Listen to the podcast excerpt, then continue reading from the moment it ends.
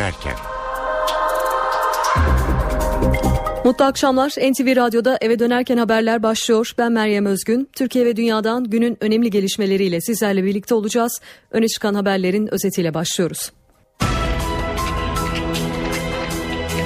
İstanbul Mecidiyeköy'deki asansör faciasında hayatını kaybeden işçiler bugün toprağa verildi. Olay sonrası başlatılan soruşturma genişliyor. Bugün iki kişi gözaltına alındı. Savcılık başka aranan şüphelilerin de olduğunu duyurdu. Facianın yaşandığı şantiyede çalışmalar süresiz durduruldu. Konu Bakanlar Kurulu'nun da gündeminde. Muhalefet cephesi ise olayı cinayet olarak yorumluyor. Türkiye Amerika'dan önemli bir ismi ağırlıyor. Başkan Barack Obama IŞİD'le mücadele planını açıklamadan Amerikan Savunma Bakanı başkente geldi. Kritik görüşmeler gerçekleştiriliyor. Ayrıntıları canlı bağlantıyla aktaracağız. Başbakan Ahmet Davutoğlu çözüm sürecinde 2015'in final yılı olmasını istiyorum dedi. İmralı'da sürecin pratikleşme aşamasına geldiğini söyledi. CHP'yi seçime taşıyacak yönetim kadrosu belli oldu. Parti meclisine kimler girdi, kimler dışarıda kaldı? Yeni vitrinin kadro analizi az sonra eve dönerken haberlerde olacak. Gezi Parkı protestoları sırasında gözaltına alınan çarşı grubu üyesi 35 kişi hakkında darbeye teşebbüs iddiasıyla dava açıldı. Sanıkların müebbet hapsi istendi. Yargıtay aynı anda iki emekli maaşı alınamaz dedi. Hukuk Genel Kurulu bu durumdaki bir vatandaşın maaşının iptal edilmesini yerinde buldu. Günün gündeminden satır başlarını aktardık. Şimdi ayrıntılar.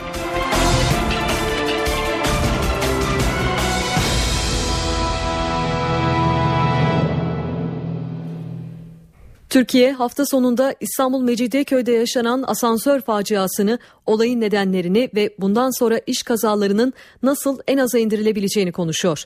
10 işçinin hayatını kaybetmesinin ardından adli merciler harekete geçti. Asansörün bakımından sorumlu olan şirketten iki kişi gözaltında. Başka aranan şüpheliler de var. Rezidansın sahibi Torunlar firması ise kazanın olduğu inşaatta tüm faaliyetlerin süresiz olarak durdurulduğunu açıkladı. Ayrıntıları NTV muhabiri Deniz Tüysüz'den alacağız. Deniz Açıklama yazılı şekilde geldi İstanbul Cumhuriyet Başsavcılığında 8 kişinin ilk etapta bilgisine başvurulduğu yazılı açıklamada yer aldı. Ardından da sabah saatlerinde 2 kişinin gözaltına alındığı bilgisi verildi. Bu iki kişinin emniyetteki işlemleri sürüyor. Önümüzdeki saatlerde adliyeye sevk edilecekler ve savcı ifade verecekler. Yine aynı şekilde başkalarının da başka şüphelilerin de bu soruşturma kapsamında arandığı bilgisi verildi. Sabah saatlerinden bu yana da savcının talimatıyla 4 üst düzey yetkilinin de ifadelerine başvurulacağı haberi geldi. Sabah saatlerinden bu yana burası hareketliydi. Olay yeri inceleme ekipleri hala burada çalışmalarını sürdürüyor. 7 kişilik bir heyet oluşturuldu. Raporun incelemeler yapılıyor. Raporun hazırlanması için bu raporun içinde inşaat mühendisi, makine mühendisi ve iş güvenliği uzmanları yer alıyor. Aynı şekilde yine burada e, yoğun kalabalık vardı. E, işçiler buraya gelip eylem yaptılar. Zaman zaman açıklamalarda bulundular ve HDP eş başkanı Selahattin Demirtaş da buraya gelen isimler arasındaydı. E, bu konuya yönelik hükümetin politikasını eleştirdi. İnşaat firması sahiplerini eleştirdi ve biz birleştirici olacağız. İşçileri ayrım gözetmeden bir arada tutacağız. Siz de haklarınızı savunun açıklamasında bulundu. Burada işçilerle birlikte yaptığı toplantıda. Vefat eden işçilerin vedasıyla devam edelim. Asansör faciasında yaşamını yitiren 10 işçi bugün memleketlerinde toprağa verildi. İşte o çalışanlar ve geride bıraktıkları. 11 yaşındaki hasta kızı için mesaiye kaldı. Asansör faciasında yaşamını yitiren 10 işçiden biriydi. 45 yaşındaki İsmail Sarıtaş için İstanbul Sarıgazi Cemevi'nde tören düzenlendi. Ev aldı, borçlarından dolayı mesai kaldı. Öyle bir şey başına geldi yani. Sonuçta hayat şartlarından dolayı. Birkaç aydır çalıştığı inşaatta yaşamını yitiren Sarıtaş İstanbul'da defnedildi. 21 yaşındaki Hıdır Ali Genç Tunceli Üniversitesi öğrencisiydi. Yaz tatilinde harçlığını çıkarmak için babasının da çalıştığı inşaatta işe başladı. Beşinci iş gününde kazada yaşamını yitirdi. Tunceli'nin Pertek ilçesine götürülen cenaze evleri olmadığı için eski okul lojmanında kalan aile üyeleri tarafından defnedildi. 25 yaşındaki Tahir ve 19 yaşındaki kardeşi Ferdi Kara babalarıyla birlikte 5 aydır inşaatta çalışıyordu. Mithat Kara Gümüşhane'nin Konaklı köyündeki evine bu kez iki oğlunun cenazesiyle gitti. Ferdi ve Tahir Kara mahalle mezarlığında yan yana toprağa verildi. 23 yaşındaki Menderes Meşe iki hafta önce ağabeyi Rasim Meşe'nin düğününü yapmıştı. Kredi borcunu ödemek için İstanbul'a inşaatta çalışmaya gitti. Sivas'taki köyüne cenazesi döndü. Meşe'nin cenazesi 9 ay önce hayatını kaybeden annesinin yanına defnedildi. 30 yaşındaki Cengiz Bilgi nişan hazırlığı yapıyordu. Kısa süre sonra da evlenecekti.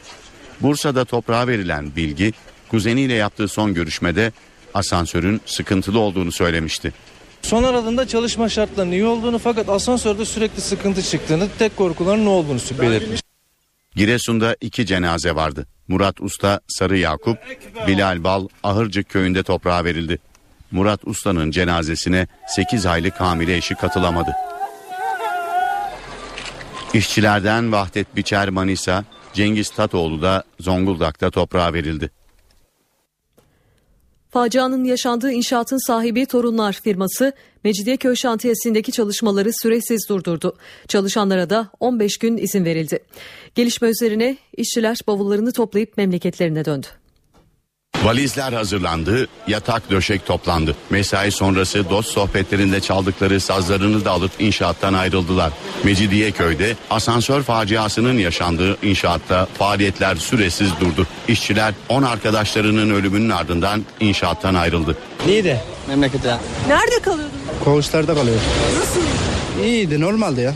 Normal falan değil. Eğer içeriye girebilirseniz basına izin verseler içeri bir çekse basın yani durumu görürsünüz. İşçilere göre kaza göz göre göre oldu. 15 gün önce arıza verildi. Paraşütü açıldığı için onlar kurtulmuştu ama şimdi arızalı olduğu için paraşütü o, o gün açıldığı için yapmamışlar paraşütünü. Paraşütü olsaydı o zaman tekrar arıza giderilseydi belki o on, ölen 10 kişi ölmezdi. İşçiler inşaat yeniden faaliyete geçince döneceklerini söylüyor. Geri mi geldin? Evet geri geleceğiz açılmasını bekleyeceğiz başka çaremiz yok ki. 10 işçinin yaşamını yitirdiği facianın ardından asansörün nasıl yere çakıldığı tartışılıyor. Konuşulan bir diğer mesele de yumuşak inişi sağlayan paraşüt fren sisteminin neden bu asansörde bulunmadığı. NTV'den Göktan Bedük güvenli bir asansörün nasıl olması gerektiğini araştırdı. 10 işçinin hayatını kaybettiği asansörün aynısı. Tek farkı sistemin dışarıda olması. Yetkili kişi tarafından eğitim almış e, bir kullanan operatörümüz var asansörü. Kartal'da 34 katlı bir binada benzer bir asansör sistemi kullanılıyor. Yük ve personel taşıyan asansörün kapasitesi 2 tonun üzerinde ama güvenlik için sınır koyulmuş 1500 kilo. Yaptığımız testlerle bizim asansörümüz için belirlediğimiz maksimum kilo 1500'dür. Aslında e, 2000 kiloya kadar taşıyabilir. Faciada en çok merak edilen konulardan biri de asansörün fren sistemiydi. Sektörde buna paraşüt sistemi deniliyor. Halatlar koptuğunda bu sistem devreye giriyor. Paraşüt sistem dediğimiz sistem burada da var. Bizim asansörümüzde de aynı sistem geçerli. Herhangi bir arıza durumunda kopma ya da arızalanma durumunda e, asansörü yavaşlatıp durduran bir sistem paraşüt sistem. Bir başka emniyet sigortası ise kilitleme. Eğer asansör raydan çıkarsa kilitleme devreye giriyor. Ayrıca aşırı yüklemede de asansörümüz sinyal verir. Yani biz maksimum kilonun üzerine çıktığımızda yük veya insan e, ağırlığı olarak maksimum kilonun üzerine çıktığımızda asansörümüz uyarı verir. %100 doldurduğumuz için e, kesinlikle çalışma yapmaz. Raylar ayda bir yağlanmalı. Mevzuata göre denetimse yılda bir kez. Ama firma inisiyatif alıp denetimi daha sık yaptırabiliyor. Biz 3 ayda bir yaptırıyoruz. Bu e, Nisan e, 2013 yasasında yılda bir olmasına rağmen biz bunu genellikle e, tabii teknik muayenenin yani bu muayene yapan kişilerin önerisiyle ve ortak kararımız olarak 3 ayda bir yapmayı e, kabul ettik. Önlemlerin tümü insan hayatı için. Ancak en önemli tedbir eğitim. Bizim 3 kişimiz var asansör kullanmaya ehliyeti olan, yetkisi olan. Bu bizim belirlediğimiz 3 kişi. Ayrıca bu asansör firmasını aldığımız yetkili firmanın yetkili personellerince eğitime tabi tutuluyorlar ve sertifikalandırılıyor bu eğitimleri. Asansör faciası bugün yapılan Bakanlar Kurulu'nun önemli gündem maddelerinden. Çalışma Bakanı Faruk Çelik hem bu kaza hem de iş sağlığı ve güvenliği konusunda ne gibi eksiklikler olduğu konusunda kurula sunum yapıyor. Başbakan Ahmet Davutoğlu da toplantı öncesi faciada hayatını kaybeden işçilerin ailelerini arayarak başsağlığı dileklerini iletti.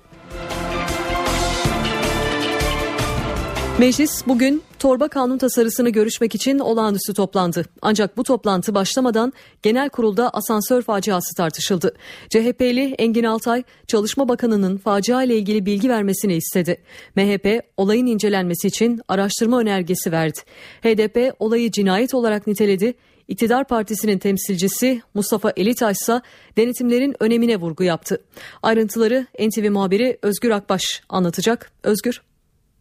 Türkiye Büyük Millet Meclisi torba yasa tasarısının görüşmek üzere olağanüstü toplandı. Hemen hatırlatalım 126 maddesi kabul edilmişti kanun tasarısının. E, geriye sadece 22 maddelik bir bölüm kalmıştı. İşte bu 22 maddeyi görüşmek için toplandı ama gündem tüm Türkiye'yi derinden sarsan İstanbul Şişli'deki asansör faciasıydı. İlk olarak meclisi yöneten, oturumu yöneten Meclis Başkan Vekili Ayşenur Bahçekapılı bu faciaya ilişkin görüşlerini dile getirdi ve taziyede bulundu. Ardından sözü siyasi partilerin grup başkan vekillerine bıraktı. Milliyetçi Hareket Partisi Grup Başkan Vekili Yusuf Alaçoğlu inşaatlarda kullanılan bu asansörlerin e, bizzat meclis eliyle araştırılmasını istedi ve bir araştırma önergesi vereceklerini söyledi ve bu araştırma önergesinin kabul edilerek bu konunun ciddi şekilde araştırılmasını arzu ettiklerini ifade etti. CHP Grup Başkan Vekili Engin Altay ise yaşanan olayı bir kaza değil bir cinayet olarak nitelendirdiklerini söyledi. Ölenlere Allah'tan rahmet diledi Engin Altay. Altay 15 günden beri bu asansörle ilgili bazı duyumların ortaya çıktığını, Mecidiyeköy'de herkesin bunu bildiğini ama hükümetin buna duyarsız kaldığını söyledi ve bu anlamda hükümeti de suçladı Engin Altay ve Çalışma ve Sosyal Güvenlik Bakanı Faruk Çelik'in bir an önce meclisi bu konuyla ilgili bilgilendirmesini istedi. AK Parti Grup Başkan Vekili Mustafa Elitaş ise meclisin iş güvenliği ile ilgili çok önemli bir e, yasa çıkardığını ancak bu yasayı çıkartmakla bunun e, yeterli olmadığını yasalar ne kadar iyi olursa olsun tatbikat bu manada çok önemli. Tatbikatlar eğer yerinde e, yapılırsa bu tür faciaların da önüne geçilebilir dedi. Halkların Demokratik Partisi grubu adına Kemal Çevik konuştu. Yaşananları, yaşanan faciayı cinayet olarak niteledi ve bu cinayeti kınadıklarını söyledi.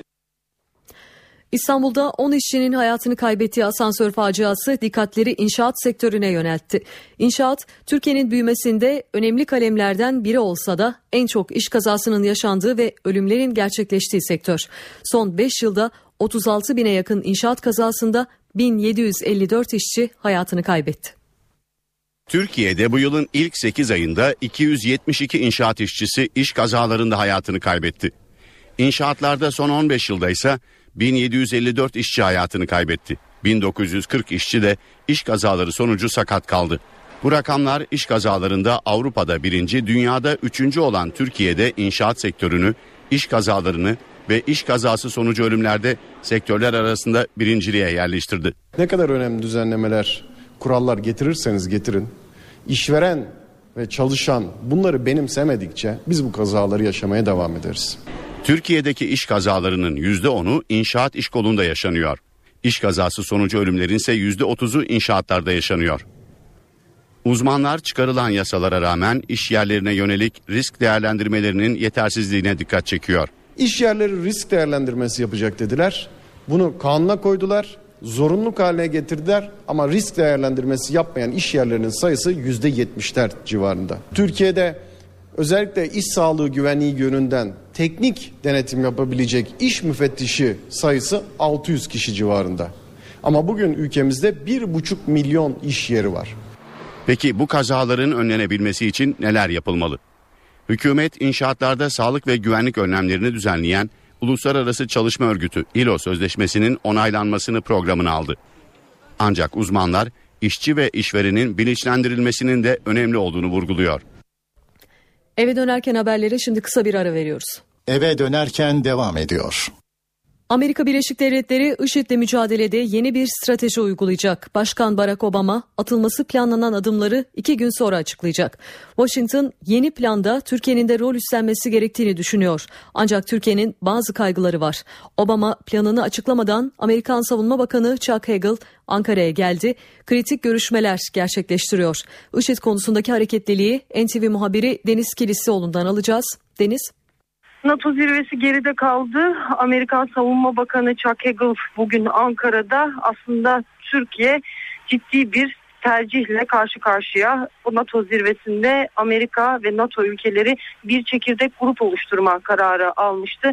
İşte bu çekirdek gruba Türkiye nasıl destek verecek? IŞİD'e karşı mücadelede nasıl bir rol oynayacak? Bu önemli. Amerika Chuck Hagel Türkiye'nin güçlü bir şekilde içeride olmasını istiyor, destek vermesini istiyor IŞİD'le mücadeleye karşı. Daha önce Obama NATO zirvesinden sonra yaptığı açıklamada Türkiye'yi endişelerinden dolayı anlıyoruz demişti ama Amerika e, yönetimi ki Chuck Hagel'ın uçağında gelen bir Amerikalı yetkilinin Reuters'a yaptığı açıklamada Amerika Türkiye'nin son derece güçlü bir şekilde bu çekirdek grubun içerisinde olmasını ve katkı vermesini istiyor ama Türkiye'nin ciddi çekinceleri var. Bunlar belki dört başlıkta sıralanabilir. Bir kere her şeyden önce Türkiye'nin hala 49 konsolosluk personeli Irak'ta. Dolayısıyla Türkiye'nin en büyük endişesi, en büyük çekincesi bu. Dolayısıyla herhangi bir askeri operasyon ki zaten bir kara operasyonu olmayacağı biliniyordu ama bir hava operasyonunda muharip güç olarak e, olma ya da muharip güçlere hava sahasını kullandırma gibi konularda çekinceleri var. Bu öncelikle birinci nokta. İkincisi bu yapılacak operasyonun her nasıl bir çerçevede olacaksa e, Suriye lideri Beşar Esad'ın işine yarayacak bir formülde olmamasını istiyor Türkiye. Yani öyle bir formülize edilmeli ki Esad'ı e, zayıflatmalı bu. Esad'ın işine yaramamalı görüşünü savunuyor. Zira Türkiye IŞİD'in temelinin Esad'dan kaynaklandığını, Esad'ın yarattığı kaos ortamında IŞİD'in doğduğunu savunuyor.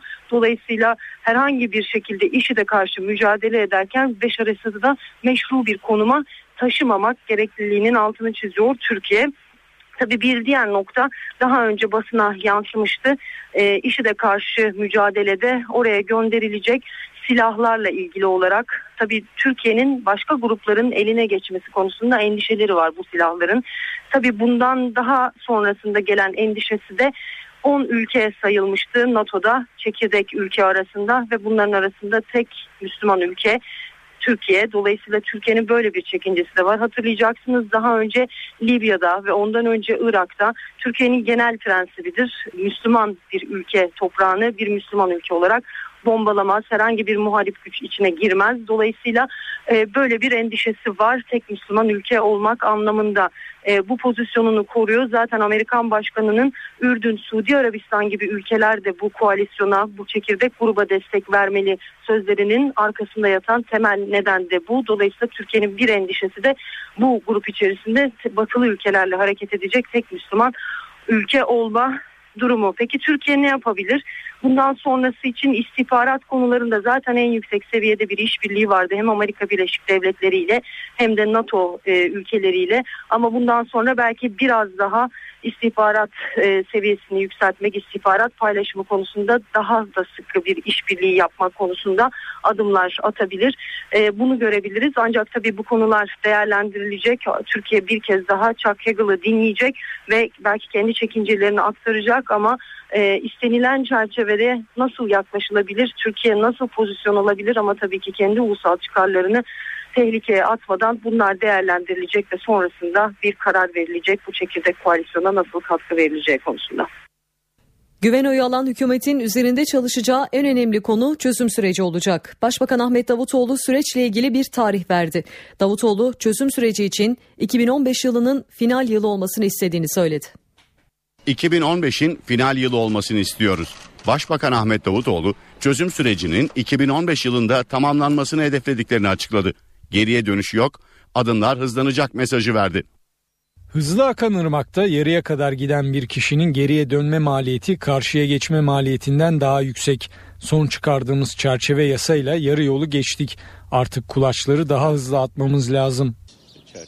Davutoğlu memleketi Konya'da gazetecilerin sorularını yanıtladı. Gündeminde 2015 seçimleri de vardı. Partinin ritmini ve heyecanını artırmak gerektiğini söyledi. Bisiklet örneğinde olduğu gibi hareket etmek lazım. Durursanız düşersiniz. Tempoyu düşürürsem 2015 seçimini aşmak zorlaşır. Bu 8 ayda hata yaparsak ülke kaybeder. Hedefimiz 4 yılı ve ondan sonraki 4 yılı kazanmak. Çözüm süreciyle ilgili Abdullah Öcalan'dan da bir değerlendirme geldi. Hafta sonunda HDP heyetiyle görüşen Öcalan, yürütülen diyalog sürecinin yeni bir format altında ve yakın dönemde önemli bir pratikleşme aşamasına geldiğini söyledi. HDP heyeti Öcalan'ın mesajlarını bugün kamuoyuyla paylaştı. Öcalan, provokasyon, ağırdan alma ve tek yanlı dayatmalara rağmen yürütülen diyalog sürecinin yeni bir format altında önemli bir aşamaya geldiğini belirtti. Sürecin sadece Türkiye'nin değil, Orta Doğu'nun kaderini de belirleyeceğini anlatan Öcalan, hükümetin bu ciddiyetle meseleye yaklaşmasının ve hız kazandırmasının hayati önemde olduğunu vurguladı. CHP'nin en üst karar alma organı olan parti meclisinin üyeleri olağanüstü kurultayda yenilendi. Genel Başkan Kemal Kılıçdaroğlu'nun listesinde yer almayan 4 kişi delegenin oylarıyla yönetime girebildi. Yeni vitrin ilk toplantısını cumartesi günü yapacak. Cumhuriyet Halk Partisi'nde yeni yönetim belli oldu. Eski Maliye Bakanı Zekeriya Temizel, gazeteci Enis Berberoğlu ve Tuncay Özkan, Sivas katliamında yaşamını yitiren şair Metin Altıok'un kızı Zeynep Altıok listenin dikkat çeken isimlerinden. CHP delegesi en çok oyu eski müftü milletvekili İhsan Özkes'e verdi. Elbette ben e, partililerin beni sevdiğini biliyordum. Doğrusu bu büyük bir sorumluluk. Mevcut MYK'dan 4 isim Emrehan Halıcı, Erdoğan Toprak, Emel Yıldırım ve Faruk Loğlu yeni parti meclisinde yok. CHP liderinin anahtar listesini 4 isim deldi. Milletvekilleri Özgür Özel ve Aykut Erdoğdu'yu da Fikri Sağlar ve Muharrem İnce'nin listesinde yer alan Ali Özcan. Ben genel başkan anahtar listesinde değildim ama başka hiçbir anahtar listede de olmamaya özen gösterdim kendim. Parti meclisine CHP Genel Başkanı'nın listesinden cinsiyet kotasıyla giren Mehmet Bekaroğlu da bugün genel merkezdeydi. Nezaket ziyareti arkadaşlar. Beni genel başkan davet etti parti. Dolayısıyla genel başkan kontenjanından parti meclisine e, girmiş oldum. Bu normal bir şey yani. Bunda bir şey yok yani. Bir sıkıntı, bir problem olmadığını düşünüyorum. Ama yarışsaydım isterdim. Parti meclisi adaylarından Yaşar Seymansa kota hesaplanma biçimine itiraz etti. Son sözü ilçe seçim kurulu söyleyecek. Listenin kesinleşmesinin ardından yeni parti meclisi ilk toplantısını cumartesi günü yapacak.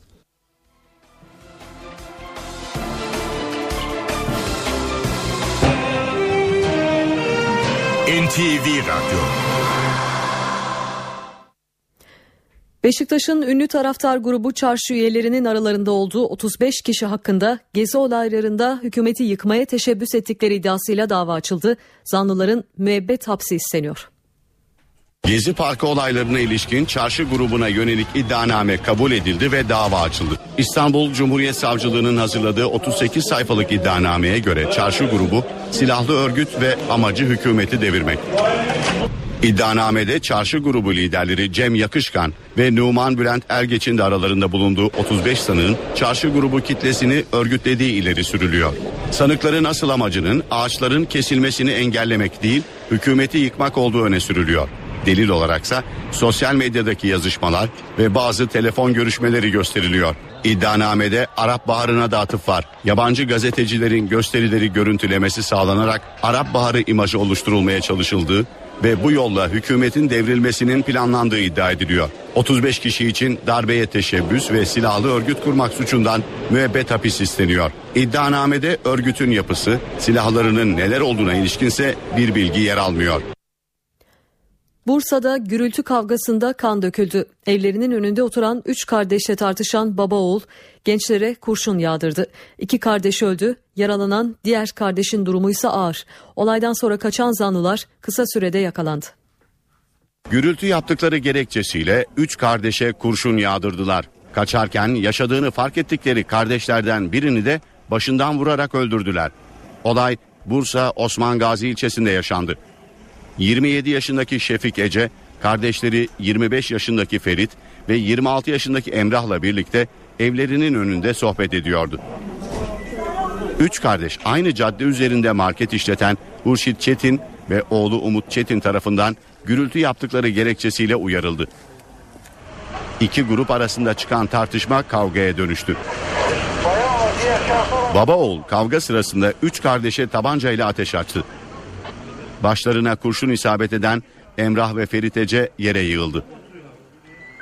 Hafif yaralanan Şefik Ece ise yardım istemek için eve doğru koştu.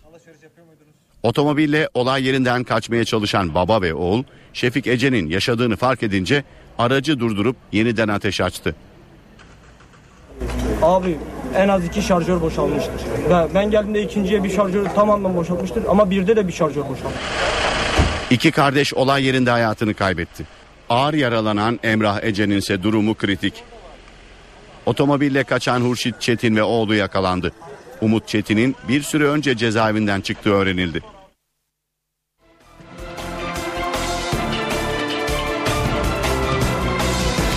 Umuda yolculuk hayalleri gerçekleşmedi. İzmir'de son 3 günde yapılan operasyonlarda Yunan adalarına geçmek isteyen 385 kaçak kurtarıldı. Ama bu haberi birazdan aktaracağız. Şimdi Bakanlar Kurulu toplantısının sonunda Bülent Arınç'ın açıklamalarını dinliyoruz. Bulunmak isteyen işçi kardeşlerimiz var. Bu acı milletimizin acısıdır. Hepimiz üzgünüz. Onlara Allah'tan rahmet diliyorum. Yakınlarına ve milletimize başsağlığı diliyorum. Şüphesiz bir iş kazası olduğu anlaşılıyor. Bununla ilgili olarak olay saatlerinde hemen olay yerine intikal eden Çalışma ve Sosyal Güvenlik Bakanımız bildiğiniz gibi saat 3 sırasında olay yerine intikal etmişti.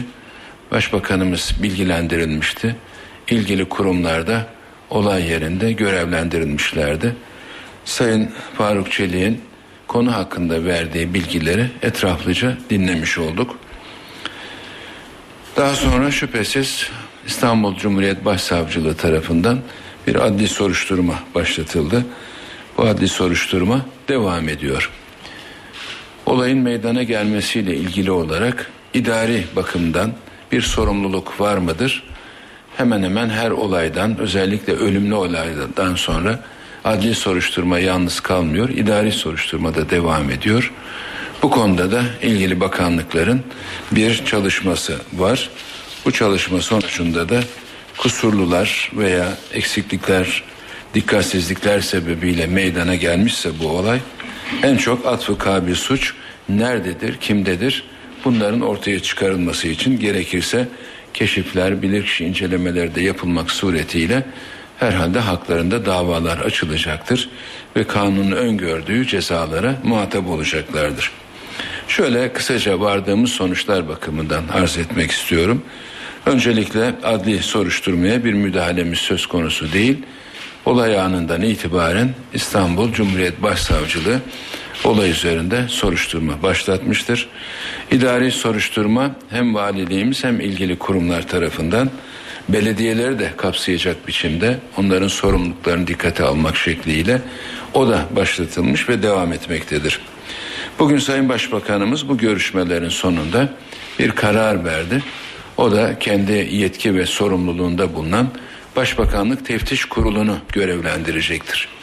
Başbakanlık Teftiş Kurulu da sadece bu spesifik olaya münhasır değil, bildiğiniz gibi bundan 3 yıl önce çok büyük bir özenle çıkardığımız İş Sağlığı ve Güvenliği Kanunu'nun bu geçtiğimiz 3-4 yıl içerisindeki uygulamaları ve bir verimlilik analizi yapılmak suretiyle bir eksiklik var mıdır? Yeni yasal düzenlemelere ihtiyaç var mıdır? Bu olaylarla ilgili olarak süreçler nasıl cereyan etmektedir? Yetki ve sorumluluklar kimlerdedir? Böyle bir olay vuku'a geldiğinde kimler hangi noktalarda sorumluluk alabileceklerdir? Bunları Başbakanlık Teftiş Kurulu'na çok özenli bir şekilde hazırlanması için Sayın Başbakanımız talimatlarını vermişlerdir. Bu bir iş kazası olduğuna göre ölen, hayatlarını kaybeden yurttaşlarımız için Çalışma ve Sosyal Güvenlik Bakanlığımızın sağladığı imkanlar nedir? Aile ve Sosyal Politikalar Bakanlığımızın sağladığı imkanlar nedir? Bunlar yine detaylı olarak görüşüldü ve bu yurttaşlarımızın her birine Çalışma ve Sosyal Güvenlik Bakanlığımızın sosyal güvenlik anlamında ölüm geliri, ölüm aylığı ve diğer ödemelerin süratle yapılmasına karar verildi. Bu konuda bir gecikme söz konusu değildir. Aynı zamanda İLO sözleşmeleriyle ilgili 167 ve 176. maddeler konusu vardı. Aslında iş sağlığı ve güvenliği kanunu çıktığı zaman bu sözleşmelerin hükümlerini de kapsayacak düzenlemeler yapılmıştı. Bu bakımdan tek başına İLO sözleşmelerinin bu maddelerine ilişkin bir gecikme söz konusu değildi. Çünkü onların iş sağlığıyla, işçi sağlığıyla ilgili veya iş güvenliğiyle ilgili öngördüğü konuları esasen bu kanun çıkarken fazlasıyla karşılamış bulunmaktaydık. Bunlardan biliyorsunuz 167 sayılı inşaat işlerinde güvenlik ve sağlık sözleşmesi birisi 176 sayılı maden işyerlerindeki güvenliğin ve söz, güvenliğin sağlanması ile ilgili sözleşme bir diğeriydi. Bu kanunda bu hükümler getirilmiş olmasına rağmen yine çağdaş standartlar gereği ve Avrupa Birliği normları gereği ILO sözleşmelerinin bu maddelere ilişkin kısımlarının da onaylanması maksadıyla Türkiye Büyük Millet Meclisi'ne bir an önce gönderilmesi ve yeni yasama döneminin başında da kanunlaştırılması istenmiştir. Bunlar da gerçekleştirilecektir. Yine Sayın Başbakanımız bu hafta içerisinde bütün bakanlıkları ziyaret etmek suretiyle o bakanlıkların çalışmaları, yetkileri, sorumlulukları konusunda kapsamlı briefingler alacaktı. Bu çalışmaya öncelikle çalışma ve sosyal güvenliğimizden, güvenlik bakanlığımızdan başlamak sureti yapacağını da söyleyebilirim. Bütün bu sözlerimi şu kapsamda anlayabiliriz. İş güvenliği, eylem planı yapılması ve kamuoyuna açıklanması kararı da alınmıştır. Başbakanlık Teftiş Kurulumuzun çalışmaları, adli ve idari soruşturmaların sonuçları ve aynı zamanda da bakanlıklar arasında bir komite kurmak suretiyle aralarındaki iş güdümü ve koordinasyonu ne şekilde sağladıklarını veya bu konuda bir eksiklikler varsa bunların öngörüldüğü bir çalışma yapılacak ve iş güvenliği konusu artık Türkiye için hayati önemli bir konu olduğu anlaşılmıştır. Bu sadece 10 tane işçimizin bir asansörün düşmesi sonucunda vefatı ile ilgili de değildir. Son zamanlarda o kadar garip olaylar yaşamaya başladık ki bildiğiniz gibi bir damperli kamyon şehir içerisinde damperi kalkık vaziyette kilometrelerce yol alabiliyor ve sonunda da bir üst geçide çarpmak suretiyle geçit çökertiliyor ve altında kalan minibüsün şoförü hayatını kaybediyor. Bir başka yerde mesela bir barajın yakınında insanlar piknik yaparken sular birden geliyor. Uyarılar yapılmış da olabilir ama insanlarımız burada hayatlarını kaybedebiliyorlar. Ne bileyim bir LPG yüklü bir tanker Diyarbakır'da bir patlama sonucunda havaya uçuyor ama 30 tane yurttaşımız hayatını kaybediyor. Yani mesele sadece 10 işçimizin hayatını kaybetmesiyle de ilgili değil. 300 vatandaşımızın, yurttaşımızın Soma madenlerinde hayatını kaybetmesiyle de bunu bağlantılı düşünebiliriz. O kadar yasal düzenleme yapıyoruz. O kadar işçi sayımız artıyor. O kadar yeni güvenlik tedbirleri alıyoruz. Ama buna rağmen eğer bu iş kazaları olup hayatımız kaybedilebiliyorsa nerede bir ek eksiklik var veya uygulamada nerede bir aksama var şüphesiz bunları da görebileceğiz. Mesela iş kazaları konusunda pek çok sektörler dikkate alınarak yapılan incelemelerde en yüksek oranın inşaat sektöründe olduğu da ortaya çıktı.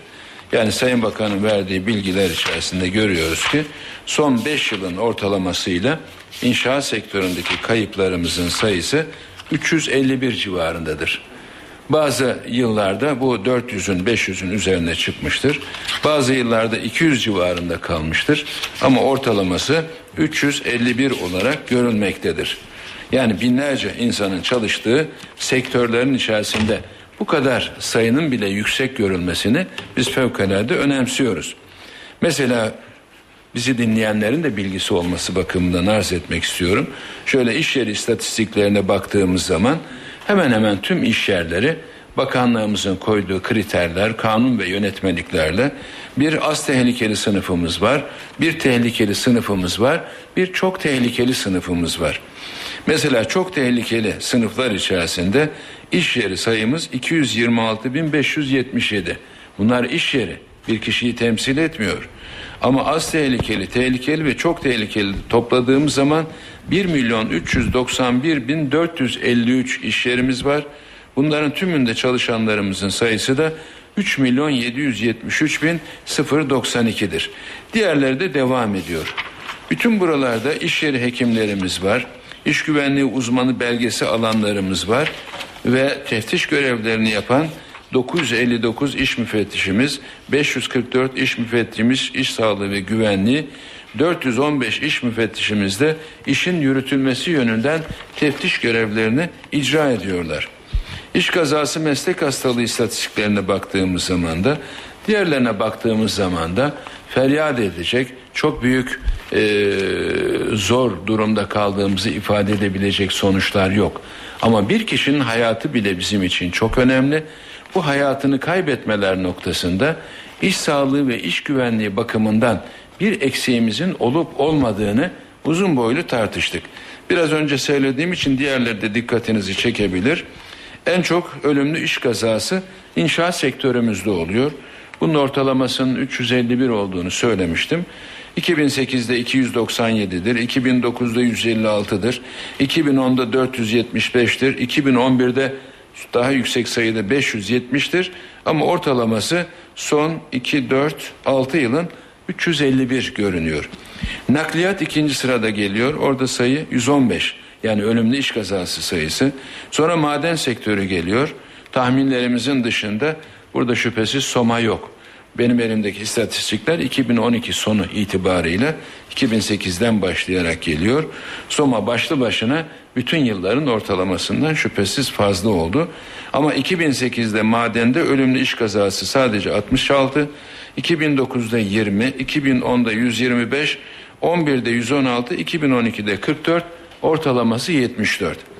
Metal iş kolunda 52, makine iş kolunda 27, gıda sektöründe 26, tekstil sektöründe 22, mobilya sektöründe ölümlü iş kazası ortalaması 6 yılın 11 olarak görünüyor. İstanbul'daki iş kazası ile ilgili olarak şüphesiz bazı tespitlerimiz var.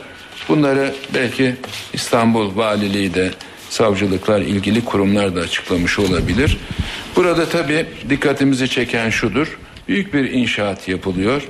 Burada bir asıl işveren var. Onunla birlikte çalışan sayısı 185'tür. Ayrıca faal olarak hizmet alımı suretiyle alt yüklenici durumunda 45 firma var. 45 firmada çalışan işçi sayısı da 1316. Topladığınız zaman bütün bunların hepsinin 1300'ün üzerinde çok daha üzerinde bir işçi sayısına ulaştığını görebiliyoruz. Çünkü herkes alt işveren, taşeron veya yüklenici bir kısmı belki asansörle, bir kısmı belki bina kaplamasıyla, bir kısmı belki diğer statikleriyle ihale edilmiş, çalıştırılan insanlar. Bunlardan asansörün operatörlüğünü de yaptığını öğrendiğimiz rahmetli Hıdır Ali Genç de olaydan birkaç gün önce ancak göreve başlayabilmiş ve maalesef inşaat malzemelerinin son kata kadar çıkarılması sırasında böyle bir kaza vuku'a gelmiş. Yani bizim tespitlerimize göre kazanın neden olabileceğini az çok anlıyoruz ancak müsaade ederseniz bu konuyu bilirkişi ve uzmanların da incelemesi ve adli soruşturma içerisinde yer almasıyla çok daha yakından öğrenebileceğimizi ümit ediyorum. Ama neresinden bakarsak bakalım bir iş yerinde bir iş kazasıyla ölümlü sonuçlanan bir iş kazasıyla karşı karşıya geldiğimizi söyleyebilirim. İş güvenliği eylem planı yapılması ve kamuoyuna açıklanması inşallah bu çalışmaları mütakip en kısa zamanımız zamanda bizzat Başbakanımız Ahmet Davutoğlu tarafından açıklanacaktır. Mesleki Yeterlilik Kurumu'nun da rolü üzerinde ayrıca durulmuştur. Çalışma ve Sosyal Güvenlik Bakımız bugüne kadar 560 meslek hakkında kriterler belirlemiştir.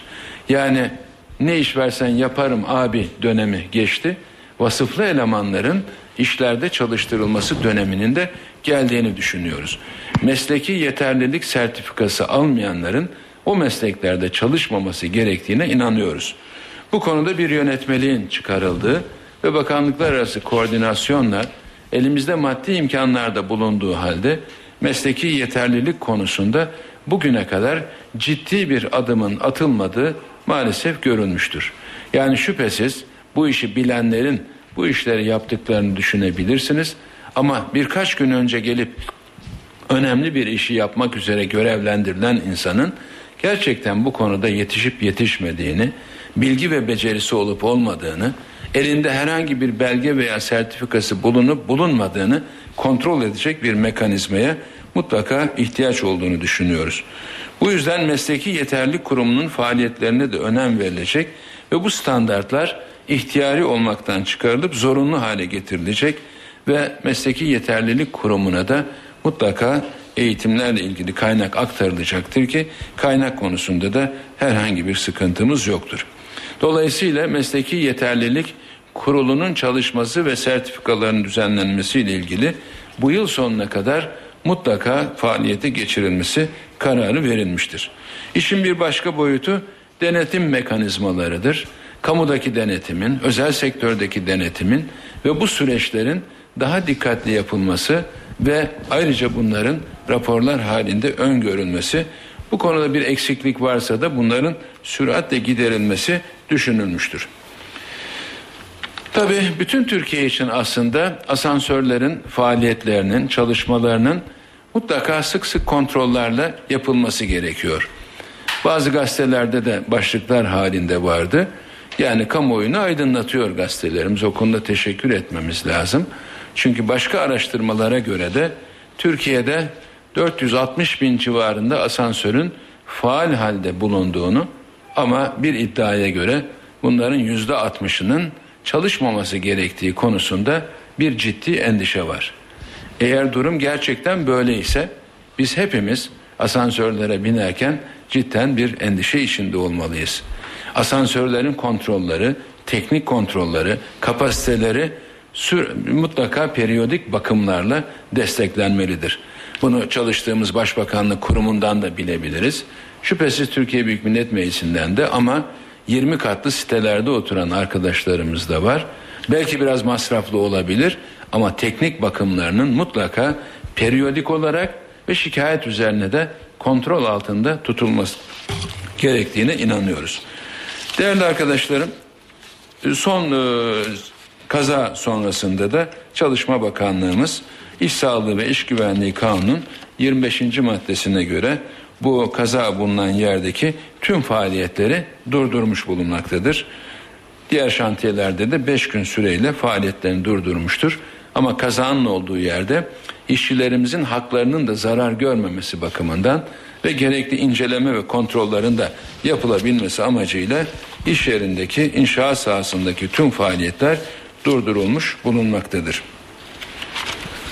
Değerli arkadaşlarım bunun dışında kalan hususlarda da yine gündemimizde hem Avrupa Birliği ile ilgili olarak hem de son zamanlarda Sayın Cumhurbaşkanımızın yurt dışı ziyaretlerinde Türkiye'yi doğrudan ilgilendiren konular ve çevremizde cereyan eden diğer konularla ilgili olarak da görüşmeler yapılmış bulunmaktadır. Belki sorularınızla açılabilecek diğer konular da vardır. Müsaade ederseniz ben sizin sorularınıza intizar edeyim ama soru konusunda danışmanımla bir konuyu görüştük. Belki bugün ilk uygulamasını yapmayabiliriz ama bundan sonra bu açıklamaların çok uzun sürdüğü, televizyonları da çok meşgul ettiği ve bazı aksamalara yol açtığını bize bildiriyorlar. Bundan sonra siz de uygun görüyorsanız kendi aranızdan yani başbakanlık muhabirlerimiz biz hiç karışmadan herhangi bir arkadaşımızı yönlendirmeden siz bir araya gelin. Dört arkadaşımızın dört sorusuyla biz bu açıklamalarımızı toparlamış olalım. Yoksa ucu açık olunca birinci sıra ikinci sıra derken bazen bir saati bulduğumuz oluyor. İstersen ben bunu söylemiş olayım ama bugün ilk uygulamasını yapmayalım. Bundan sonraki açıklamalarımızda ben sizlerden bunu rica edeyim. Siz kendi aranızda istediğiniz soruyu istediğiniz şekilde ama dörtle sınırlandırmak suretiyle yapalım. Sizi gördüm. Şuradan başlayalım. Arkadaşımızdan başlayalım. Efendim asansör kazası ile ilgili olarak Sayın Başbakan e, hayatını kaybedenlerin e, şehit sayılacağını ifade etmişti. E, buna ilişkin bir e, düzenleme yapılacak mı ve bundan sonra e, muhtemel kazalarda istenmeyen ölümler e, yaşanması halinde iş kazalarında hayatını kaybedenler artık e, şehit mi sayılacak böyle bir e, politika uygulanacak diyebilir miyiz? Bir de efendim e, NATO zirvesinde IŞİD'e yönelik e, bazı kararlar alınmıştı. NATO ülkelerinin içinde bulunduğu e, bir koalisyon kurulması yönünde. Amerika Başkanı Obama'dan da açıklama Bir dakika, geldi. Bir dakika. Asansörden işi de geçtim. Unutmadan yazayım. Şehit konusu. Evet.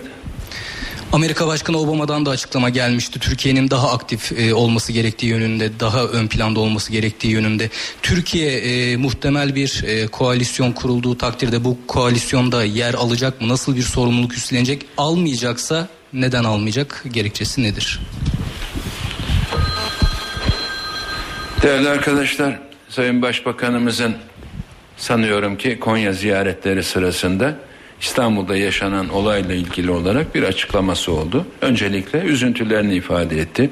Gerçekten hepimiz çok büyük üzüntü sahibiyiz. Bu genç insanlarımızın alın teri, ekmek parası için hayatlarını kazanırken herhangi bir sebeple hayatlarını kaybetmiş olmaları hepimizi derinden üzdü. Ancak her olayın arkasından bu olayda vefat edenlerin şehit sayılması gibi ne bir düşüncemiz var ne de bunun doğru olduğuna inanırız. Şehitlik dini bir kavramdır. Biz işin hukuk yanındayız. Evet terörle mücadelede hayatlarını kaybedenler için veya buna bağlantılı olarak bazı olaylarda hayatını kaybedenler için veya mağluliyete düşen yani gazi olduğuna inandığımız insanlar için düzenlemeler yapılmıştır. Ancak son zamanlarda yine bazı olaylarda hayatını kaybedenlerin şehitlere ve gazilere vazife malullerine tanıdığımız haklardan istifade etmesi gündeme gelmiştir. Bu başka bir şey. Yani şunu söylemek istiyorum. Şehitlik kavramını şüphesiz hepimiz çok iyi biliyoruz. Bu kavramın neleri kapsadığını da çok iyi biliyoruz. Vatan mücadelesinde hayatını kaybeden insanların elbette başka sebeplerle de hayatını kaybetmiş insanların hükmen şehit sayılabileceği peygamberimizin hadislerinde de İslam alimlerinin sözlerinde de yer almıştır. Kanunun tanıdığı şehitlik kavramı farklı bir şeydir. İslam'ın, Kur'an'ın, peygamberin onlar da hükmen şehittirler demesi farklı bir şeydir. Mesela yanarak ölenler için şehit olabileceği konuşulmuştur. Boğularak ölenler için şehit olabileceği konuşulmuştur. Ekmek parası kazanırken, helal rızık peşindeyken ölenler için şehit olabileceği konuşulmuştur. Kendin malını muhafaza ederken zorla, zorla ve zulmen öldürülen insanların da şehit olabileceği peygamberin pek çok hadislerinde geçmektedir. Sayın Başbakanımız da zannediyorum ki işin dini boyutunu, manevi boyutunu dikkate çekmek için 20, 22, 24 yaşında kardeşiyle beraber hatta babasıyla beraber aynı işlerinde çalışan kimi Gümüşhane'den gelmiş, kimi bir başka yerden gelmiş İstanbul'da hatta aile bütçesine katkısı olur. Nişanım var, düğünüm var. Biraz daha fazla param olsun, biraz daha fazla para biriktireyim diye çalışan insanların tek amacı helal rızık ise helal rızık peşinde koşarken de hayatını kaybedenin bize göre, İslam'a göre, Kur'an'a göre, peygamberimizin hadisine göre şehit sayılabileceğini söylemiştir. Bunu biz de zaman zaman kullanıyoruz. Bu yurttaşlarımızın karşılığı mutlaka sosyal güvenlik kanunumuzda vardır. Bunları tekrar tekrar söylemeye gerek yok. Hatta iş kazası olduğu için bir aynı gün göreve başlamış olsa bile, girişi yapılsa bile, sosyal güvenlik bağlantısı kurulsa bile ölüm geliri veya ölüm aylığının bağlanması mümkündür. Bazıları için ikisinin birden bağlanması mümkündür. Bazıları için de anne babası varsa eğer bekar ölmüşse onların da muhtaç olmamak kaydıyla elbette bazılarının istifa muhtaç olmak kaydıyla tersinden söyledim. Bazı imkanlara kavuşması mümkündür.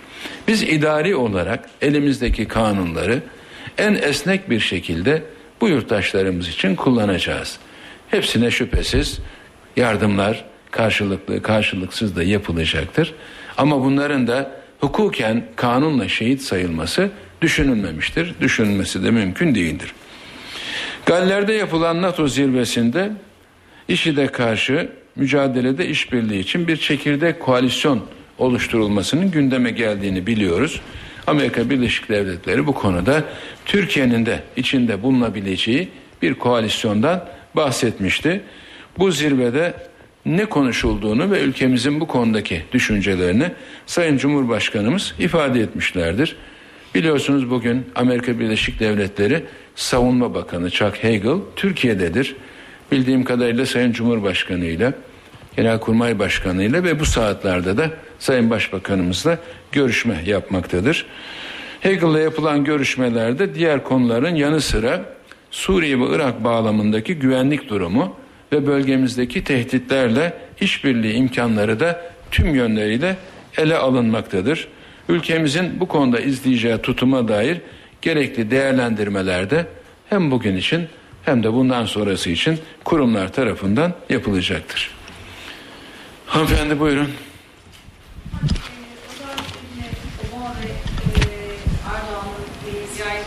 Sırasında NATO'daki görüşmeleri sırasında e, gündeme gelen Fethullah Gülen'in iadesi noktasında acaba ne Evet. aşamaya gelindi? Fethullah Gülen'in iade talebi noktasında hangi aşamaya gelindi? Hükümet bu yönde bir çalışma e, yapıyor mu? Bunu merak ediyorum. Teşekkür ederim. Başkan Obama ile Sayın Cumhurbaşkanımızın görüşmelerinde hem özel olarak baş başa yaptıkları görüşmelerde hem daha sonra heyetler halinde takriben bir buçuk saat süren görüşmelerde neler konuşulduğu hakkında birebir bilgimiz yok. Sayın Cumhurbaşkanımız bildiğimiz kadarıyla hem toplantıdan sonra hem de gazetecilerle yaptığı görüşmelerde bazı konularda ipuçları verdi. Sayın Başbakanımız da Sayın Cumhurbaşkanımızın ziyareti sonrası kendisiyle belki bir görüşme yapmıştır veya yapacaktır. Değerli arkadaşlar bu konuda hükümetimizin de Sayın Cumhurbaşkanımızın da sözleri bu konudaki düşünceleri herkesin malumudur. Ancak Türkiye Büyük Millet Meclisi'nde hükümet adına müzakereler sırasında bir cümlenin üzerinde fazlasıyla durmaya çalıştım. Dikkatinizi çekmek istiyorum. Biz bütün mücadelemizi veyahut da yasa dışı yapılanlarla ilgili yapacağımız bütün mücadeleleri hukuk çerçevesi içinde yapacağız. Türkiye Cumhuriyeti bir hukuk devletidir. Bunun dışında kimse bizden bir şey beklemesin. Başka ülkelerin de beklediğini zannetmiyorum. Amerika Birleşik Devletleri de kişi hak ve özgürlüklerine çok değer veren, aynı zamanda da ifade özgürlüğü konusunda en iyi kurallara sahip, bunu fiilen uygulayan bir ülkedir. Evet, 11 Eylül'den sonra Amerika Birleşik Devletleri'nde de bir sendrom yaşanmış ve hukukun dışına çıkılarak bazı mücadele yöntem benimsenmiş de olabilir.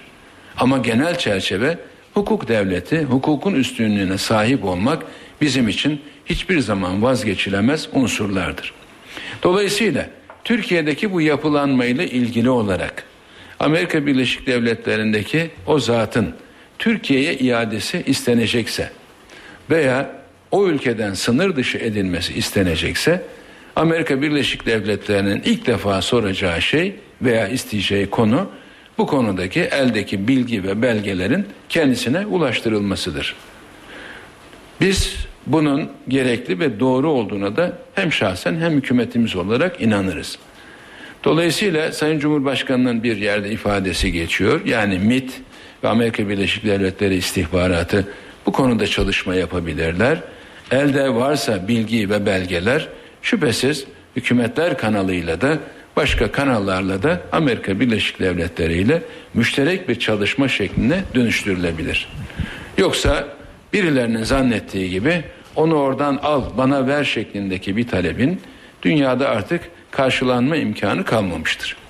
Belki bazı siyasi sebeplerle Türkiye'nin güvenliğini tehdit ettiği düşünülen ama hakkında herhangi bir suçlama, herhangi bir iddianame, herhangi bir yargı kararı bulunmadığı da varsayılan bir insan hakkında o ülkenin tavrının ne olacağını benim bilmem mümkün değil.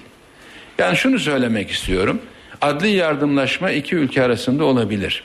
Bazen suçların iadesi anlaşması da olabilir. Ama bunların hepsi hukuki bakımdan bir dava açılmasını, o davanın hükümle sonuçlanmasını ve kesinleşmesini gerektirir. Bunun dışında Sayın Cumhurbaşkanı'nın deporte edilmesi konusundaki taleplerinin bir siyasi talep olarak ABD tarafından nasıl karşılanacağını doğrusu benim bilmem mümkün değil. Son soru birinci sıra için. Evet. Çabuk çabuk. Çabuk çabuk buyurun. Efendim çözüm süreciyle ilgili soracaktım ben. Geçen hafta ilk toplantınızı yaptınız.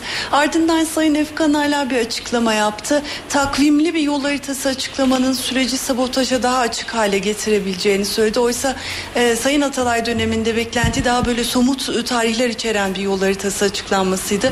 Bir strateji değişikliği mi var e, yoksa hani kamuoyuna daha farklı bir şekilde mi açıklanacak? Bir de o yol haritası e, ne zaman açıklanacak? Arkadaşlar çözüm süreci konusunda geçtiğimiz hafta Sayın Başbakanımızla kapsamlı bir toplantı yaptık. Fevkalade verimli oldu. Görevler, yetkiler, yapılacak işler tekrar bir standart haline getirildi. Bu konuda herkes üzerine düşen rolü en güzel şekliyle oynayacak, görevini en iyi şekliyle yapacak. Bildiğiniz gibi bu işin anahtarı, bu işin kilit rolü 14 Temmuz'da zannediyorum Türkiye Büyük Millet Meclisi'nden çıkardığımız toplumsal bütünleşmenin güçlendirilmesi ve terörün sona erdirilmesi ile ilgili kanundur. Bu kanun neredeyse 36 oyun dışında meclisin ittifakıyla kabul edilmiştir. O 6 maddelik bir çerçeve kanundur. 6 maddelik çerçeve kanun içerisinde ne varsa onları yerine getireceğiz. Yol haritası nedir? Hangi tarihte açıklanacaktır? İçinde ne vardır? Bunları sormayınız. Bunları kimse de söylemez. Ancak belki bazı ipuçlarını bazı arkadaşlarımız verebilir. Ben bu sürecin içerisinde bana göre önemli bir rolün içindeysem doğrusu şunu şu zaman yapacağız, bunu bu zaman yapacağız, şunlar şu maddeler olacak diye böyle bir şeyi kamuoyuyla paylaşmam. Hukuk devleti olduğumuzu söyledim doğrudur. Çıkarılan kanun aynen uygulanacaktır. Ama yapacağımız işlerin bir kısmı idari tasarruflardır. Bu bakanlıkların ve hükümetimizin yetkisindedir. Bürokrasiye aittir. Onu ben yapın derim. Ertesi gün yaparlar. Bunun için davul zurna çalmaya da gerek yoktur. Bazı kanuni düzenlemeler yapacaksak bunun için meclisten başka gideceğimiz bir yol yok. O zaman da size meclise giderken de mecliste görüşmeler sırasında da neyi kapsadığını ayrıca anlatırız. Ama bu çözüm süreci çok isteyenleri olmasına rağmen istemeyenleri de çok bol olduğu için büyük bir hassasiyetle takip edilmesi gerekir. O yüzden bazı arkadaşlarımızın zaman zaman bazı açıklamaları olacaksa bunları bir başkasına yorumlatmaya gerek yok. Bakınız adayla gidenler gelenler görüşmeler var. Oradan yayınlanan bazı mesajlar var, anlatılanlar var. Bunların içerisinde bizim en çok dikkat etmemiz gereken çözüm sürecini en kısa sürede olumlu sonuçlandırmak mecburiyetindeyiz. Bu Türkiye'nin yararınadır. Zaman ve süreç uzadıkça elbette bu işe maniler katılabilir. Çünkü bazı çeteler sadece bu süreci provoke etmek için bazı eylemler yapmaktadırlar. Bir iç güvenlik ve asayişimiz mükemmel olmalı. İkincisi de çözüm süreci bir an evvel başarıyla sonuçlanmalı. Şunu söylemek istiyorum. Elbette yapacaklarımızı madde madde haline getirip zaman içerisinde bunların hepsinin adımları atılacaktır. Belki siz bunları aa bu da oldu diyerek karşılayacaksınız. Ama bunu önceden açıklamak bir ay, üç ay, beş ay öncesinden böyle şahsen bir düşüncemiz yok. Bu haftada bu toplantının ikincisini yapacağız. Terörle mücadele üst kurulunu en yakın zamanda toplayacağım. Esasen onun dışındaki kurumlarla da görüş alışverişimiz devam etmektedir. Ben şu iki yıllık süreçte bugün geldiğimiz noktada çözüme çok daha yaklaştığımızı ve sürecin artık aydınlık bir ışık olarak rahatlıkla görünebildiğini söyleyebilirim. Bir gazeteci olarak tabi gazetecilik refleksiyle ne yapılacak daha daha diye sorabilirsiniz. Bunların hepsinin süreç içerisinde faaliyete geçtiğini göreceksiniz. Yasama konusunda da meclise ne gönderiyorsak önce size haber vereceğiz. Teşekkür ederim çabuk buyurun. Efendim Sayın Adalet Bakanı Bekir Bozdağ hakimler ve savcılara yönelik e, özlük hakları ve sicil affını gerek e, düzenleyen bir e, yasa teklifinin Bakanlar Kurulu'nun gündemine gelebileceğini söylemişti. Böyle bir çalışma var mı? Bakanlar Kurulu gündemine gelmedi çünkü HSYK seçimleri doğrudan hükümetin meselesi değil. Evet böyle bir grubu Sayın Başbakanımız kabul etmiştir, kendileriyle görüşmüştür. Ama Sayın Başbakanımız o günkü ifadelerinde yani hakimler ve savcılar yüksek kurulu HSYK üyelerini seçecek. Bu Türkiye için çok önemlidir. Benimle başka görüşmek isteyenler varsa onlarla da görüşmeye hazırım demiştir. O gün görüşmeye katılanlar elbette bazı taleplerde yargı adına bulunmuşlardır. Sicil affının çıkarılması, belki mali durumlar konusunda iyileştirmeler yapılması.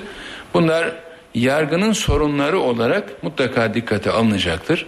Sayın Bozdağ gerekirse tasarı, gerekiyorsa belki bazı milletvekillerimizin teklifiyle bunu gündeme getirecektir. Yani yargıda birlikin e, başbakanımızdan veya sayın bakanımızdan yargı adına talepleri ne olmuşsa bunlar makul karşılandığını biliyorum. Ancak biliyorsunuz 1 Ekim'e kadar meclis tatilde bugünkü çalışması olağanüstü bir toplantıdır. 1 Ekim'den sonra galiba hemen Kurban Bayramımız var. Biz 14-15 Ekim'de ancak Türkiye Büyük Millet Meclisi'nde yasamaya başlayacağız. Dolayısıyla seçimler öncesinde bir yasama çalışması yapmayı zaten düşünmeyiz. Buna fiilen de imkan yok. Ama gelişen süreç içerisinde yargının sorunlarını her ne kadar adli yılın açılışında konuşulmamış olsa bile bize anlatan herkesin bu taleplerine kulak vermek mecburiyetindeyiz. Beyaz gömlekli kardeşim senin var mıydı söz? Yoktu o sırada başka. Yok ne kadar güzel bitti mi? Peki teşekkür ediyorum sağ olun arkadaşlar. Az önce Bakanlar Kurulu toplantısı sonrası hükümet sözcüsü Bülent Arınç'ın açıklamalarını dinledik. Asansör faciası ile ilgili neler söylediğini hatırlayalım. Arınç, facianın araştırılması için Başbakanlık Teftiş Kurulu'nun görevlendirildiğini duyurdu. Aynı zamanda Çalışma Bakanlığı'nın iş güvenliği eylem planı hazırlayacağını söyledi. Bülent Arınç hayatını kaybeden işçilerin yakınlarına Çalışma Bakanlığı'nın ölüm geliri ve ölüm aylığı ödemesi yapılacağını ancak işçilerin şehit sayılmasının söz konusu olmadığını ifade etti. Başbakan yardımcısı Uluslararası Çalışma Örgütü İLO'nun 167 sayılı inşaat işlerinde güvenlik ve sağlık sözleşmesiyle 176 sayılı maden işyerlerindeki güvenliğin sağlanmasına ilişkin sözleşmesinin onaylanmasına uygun bulan tasarıların bir an önce meclise gönderilip kanunlaştırılacağını belirtti.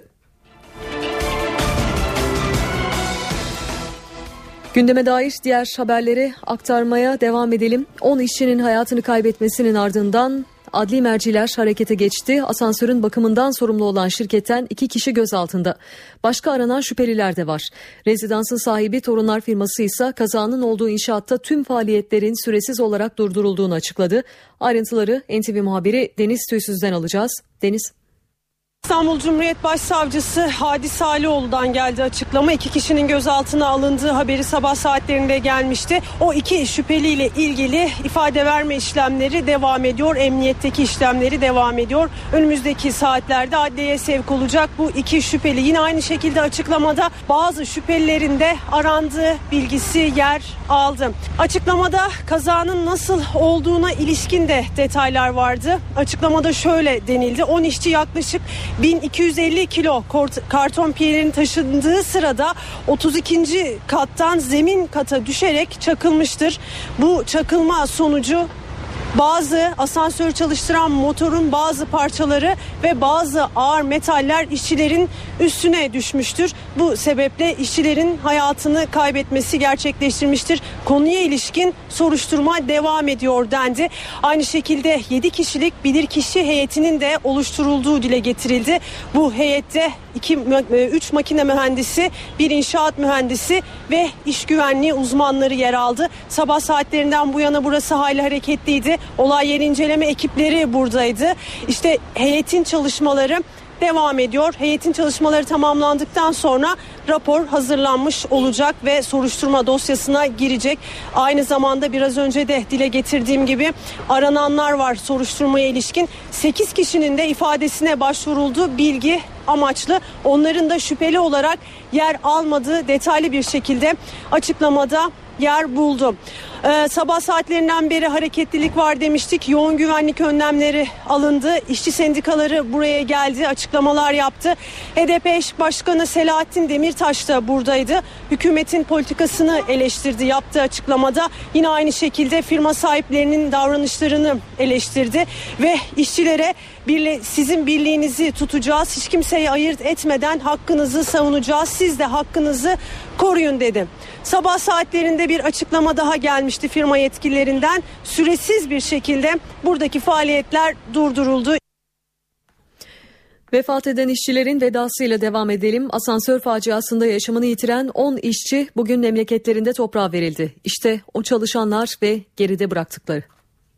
11 yaşındaki hasta kızı için mesaiye kaldı. Asansör faciasında yaşamını yitiren 10 işçiden biriydi.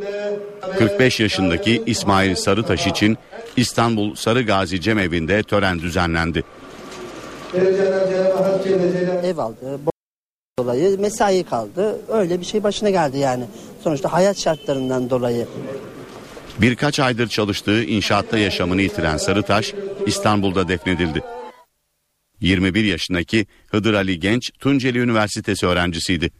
Yaz tatilinde harçlığını çıkarmak için babasının da çalıştığı inşaatta işe başladı. Beşinci iş gününde kazada yaşamını yitirdi.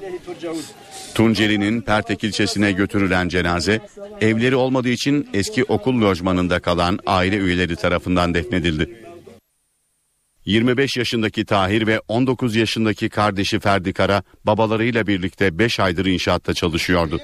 Mithat Kara Gümüşhane'nin Konaklı köyündeki evine bu kez iki oğlunun cenazesiyle gitti. Ferdi ve Tahir Kara mahalle mezarlığında yan yana toprağa verildi. 23 yaşındaki Menderes Meşe iki hafta önce ağabeyi Rasim Meşe'nin düğününü yapmıştı. Kredi borcunu ödemek için İstanbul'a inşaatta çalışmaya gitti. Sivas'taki köyüne cenazesi döndü. Meşe'nin cenazesi 9 ay önce hayatını kaybeden annesinin yanına defnedildi. 30 yaşındaki Cengiz Bilgi nişan hazırlığı yapıyordu. Kısa süre sonra da evlenecekti. Bursa'da toprağa verilen Bilgi, kuzeniyle yaptığı son görüşmede asansörün sıkıntılı olduğunu söylemişti. Son aradığında çalışma şartlarının iyi olduğunu fakat asansörde sürekli sıkıntı çıktığını, tek korkuların ne olduğunu belirtmiş. Giresun'da iki cenaze vardı. Murat Usta, Sarı Yakup, Bilal Bal, Ahırcık köyünde toprağa verildi. Murat Usta'nın cenazesine 8 aylık hamile eşi katılamadı. İşçilerden Vahdet Biçer Manisa, Cengiz Tatoğlu da Zonguldak'ta toprağa verildi. 10 işçinin yaşamını yitirdiği facianın ardından asansörün nasıl yere çakıldığı tartışılıyor. Konuşulan bir diğer mesele de yumuşak inişi sağlayan paraşüt fren sisteminin neden bu asansörde bulunmadığı. NTV'den Göktan Bedük güvenli bir asansörün nasıl olması gerektiğini araştırdı. 10 işçinin hayatını kaybettiği asansörün aynısı. Tek farkı sistemin dışarıda olması. Yetkili kişi tarafından eğitim almış e, bir kullanan operatörümüz var asansörü. Kartal'da 34 katlı bir binada benzer bir asansör sistemi kullanılıyor. Yük ve personel taşıyan asansörün kapasitesi 2 tonun üzerinde ama güvenlik için sınır koyulmuş 1500 kilo. Yaptığımız testlerle bizim asansörümüz için belirlediğimiz maksimum kilo 1500'dür. Aslında e, 2000 kiloya kadar taşıyabilir. Faciada en çok merak edilen konulardan biri de asansörün fren sistemiydi. Sektörde buna paraşüt sistemi deniliyor. Halatlar koptuğunda bu sistem devreye giriyor. Paraşüt sistem dediğimiz sistem burada da var. Bizim asansörümüzde de aynı sistem geçerli. Herhangi bir arıza durumunda kopma ya da arızalanma durumunda e, asansörü yavaşlatıp durduran bir sistem paraşüt sistem. Bir başka emniyet sigortası ise kilitleme. Eğer asansör raydan çıkarsa kilitleme devreye giriyor. Ayrıca aşırı yüklemede de asansörümüz sinyal verir. Yani biz maksimum kilonun üzerine çıktığımızda yük veya insan e, ağırlığı olarak maksimum kilonun üzerine çıktığımızda asansörümüz uyarı verir. %100 doldurduğumuz için e, kesinlikle çalışma yapmaz. Raylar ayda bir yağlanmalı. Mevzuata göre denetimse yılda bir kez. Ama firma inisiyatif alıp denetimi daha sık yaptırabiliyor. Biz 3 ayda bir yaptırıyoruz. Bu e, Nisan e, 2013 yasasında yılda bir olmasına rağmen biz bunu genellikle e, tabii teknik muayenenin yani bu muayene yapan kişilerin önerisiyle ve ortak kararımız olarak 3 ayda bir yapmayı e, kabul ettik. Önlemlerin tümü insan hayatı için Ancak en önemli tedbir eğitim. Bizim üç kişimiz var asansör kullanmaya ehliyeti olan, yetkisi olan. Bu bizim belirlediğimiz üç kişi. Ayrıca bu asansör firmasını aldığımız yetkili firmanın yetkili personellerince eğitime tabi tutuluyorlar ve sertifikalandırılıyor bu eğitimleri. İş kazalarında Türkiye Avrupa'da birinci, dünyada ise Çin ve Hindistan'dan sonra üçüncü sırada. İstatistikler olayın vehametini ortaya koyuyor. Dünyada iş kazalarında yılda ortalama 350 bin kişi hayatını kaybediyor. Resmi istatistiklere göre Türkiye'de her yıl ortalama 75 bin iş kazasında yaklaşık 1200 işçi yaşamını yitiriyor.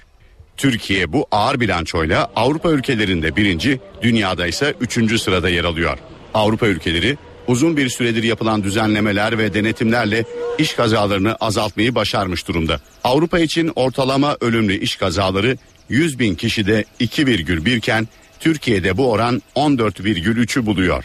İş kazalarındaki ölümlerin birçoğu iş güvenliği ile ilgili düzenleme ve denetimlerin yetersiz olduğu az gelişmiş ve gelişmekte olan ülkelerde meydana geliyor. Avrupa Birliği ülkelerinde ise iş güvenliğine yönelik ayrıntılı düzenlemeler mevcut. Bu düzenlemeler her şeyden önce iş kazaları olmaması için risk unsurlarını en aza indirmeyi hedefliyor. Örneğin gökdelen inşaatlarında en son teknolojik yeniliklerden faydalanılıyor ve işçiler sürekli olarak eğitiliyor. İş güvenliği ile ilgili unsurlar bağımsız kuruluşlar veya kamu kuruluşları tarafından denetleniyor. İhmal sonucu meydana gelen iş kazalarında sorumlular ağır cezai yaptırımlarla karşı karşıya kalıyor. Kamu iş alanlarında devlet, özel iş alanlarında ise hem işveren hem denetçiler yüklü tazminat cezaları ödüyor. 2012 yılında bir gökdelen inşaatında düşen asansörde 19 kişinin öldüğü Çin aynı zamanda iş kazalarında en fazla can kaybının gerçekleştiği ülke. Pekin caydırıcı cezalar içeren düzenlemelerle bu sıfattan kurtulmayı hedefliyor. Singapur'da ise iş kazalarında meydana gelen ölümler son yıllarda devlet tarafından yapılan sıkı denetimlerle Avrupa ortalamasına düşmüş durumda. Ülkede iş kazaları ile ilgili yargı süreci kısa sürede sonuçlandırılıyor ve sorumlulara yüksek miktarda para cezası verilebiliyor. Şimdi kısa bir ara veriyoruz. Eve dönerken devam ediyor. 62. hükümetin üzerinde çalışacağı en önemli konu çözüm süreci olacak. Başbakan Ahmet Davutoğlu süreçle ilgili tarih verdi. Davutoğlu çözüm süreci için 2015 yılının final yılı olmasını istediğini söyledi. Başbakan çerçeve yasayla yarı yolu geçtik. Artık kulaçları daha hızlı atmamız lazım dedi. Konuyla ilgili Bakanlar Kurulu toplantısı sonrası hükümet sözcüsü Bülent Arınç'tan da açıklama geldi. Arınç çözüme her zamankinden daha çok yakınız diye konuştu.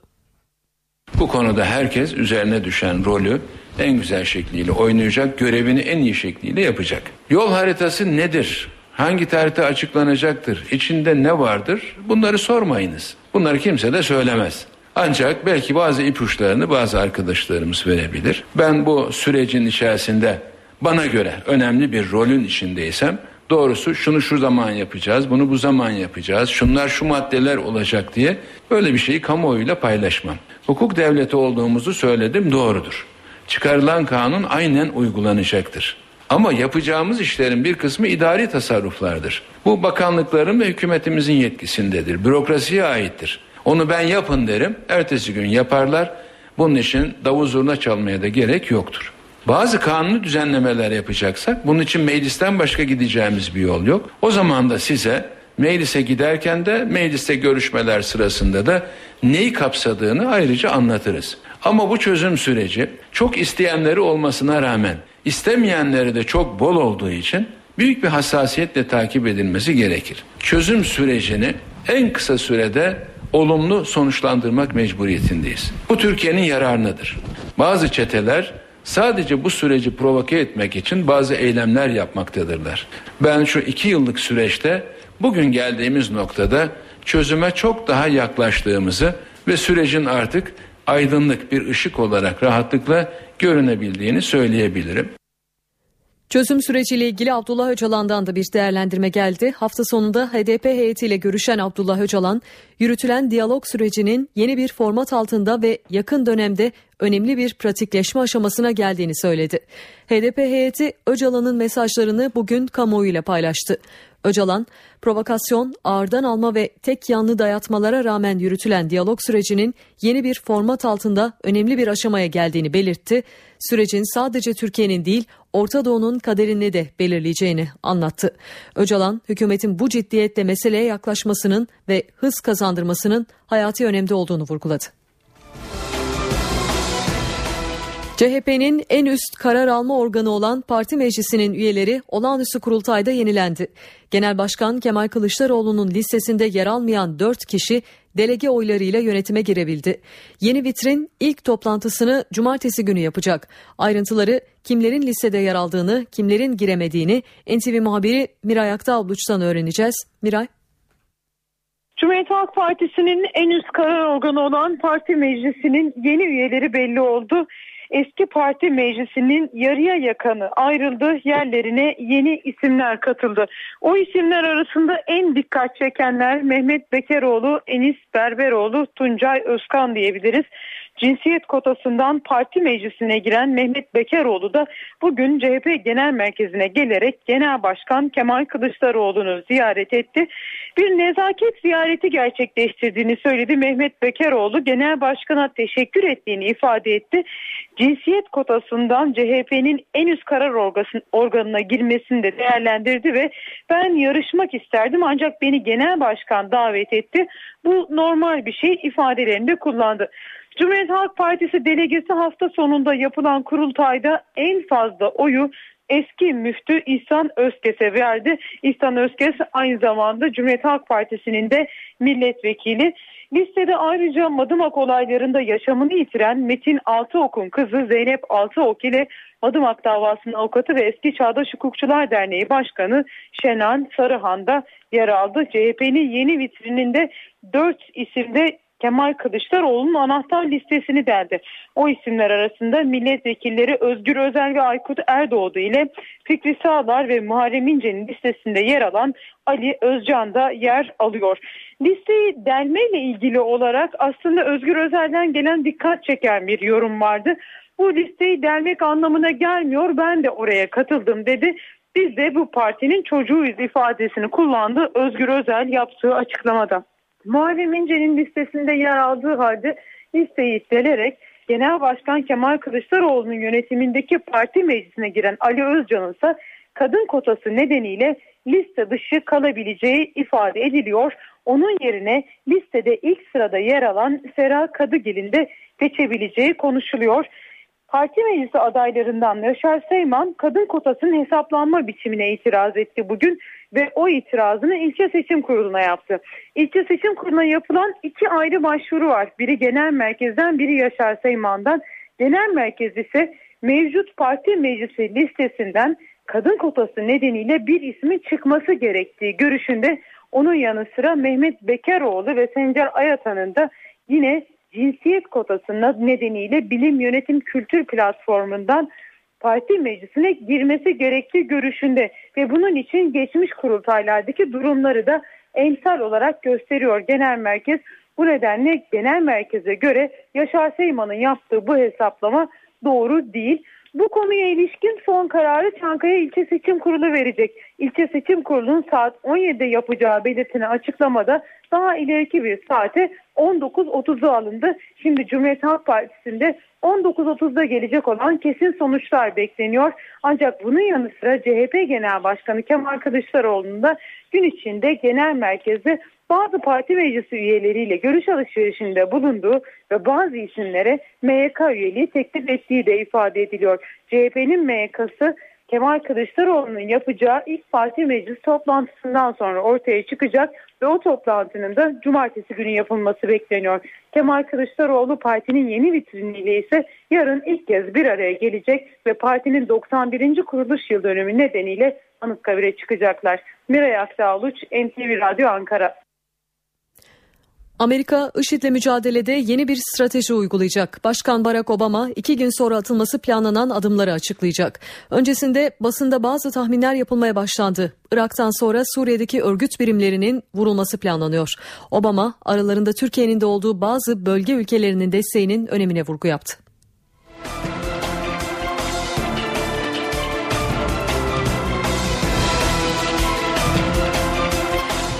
Amerika Birleşik Devletleri Başkanı Barack Obama IŞİD'le ilgili planını açıklamadan önce Amerikan Savunma Bakanı Chuck Hagel Türkiye'ye geldi.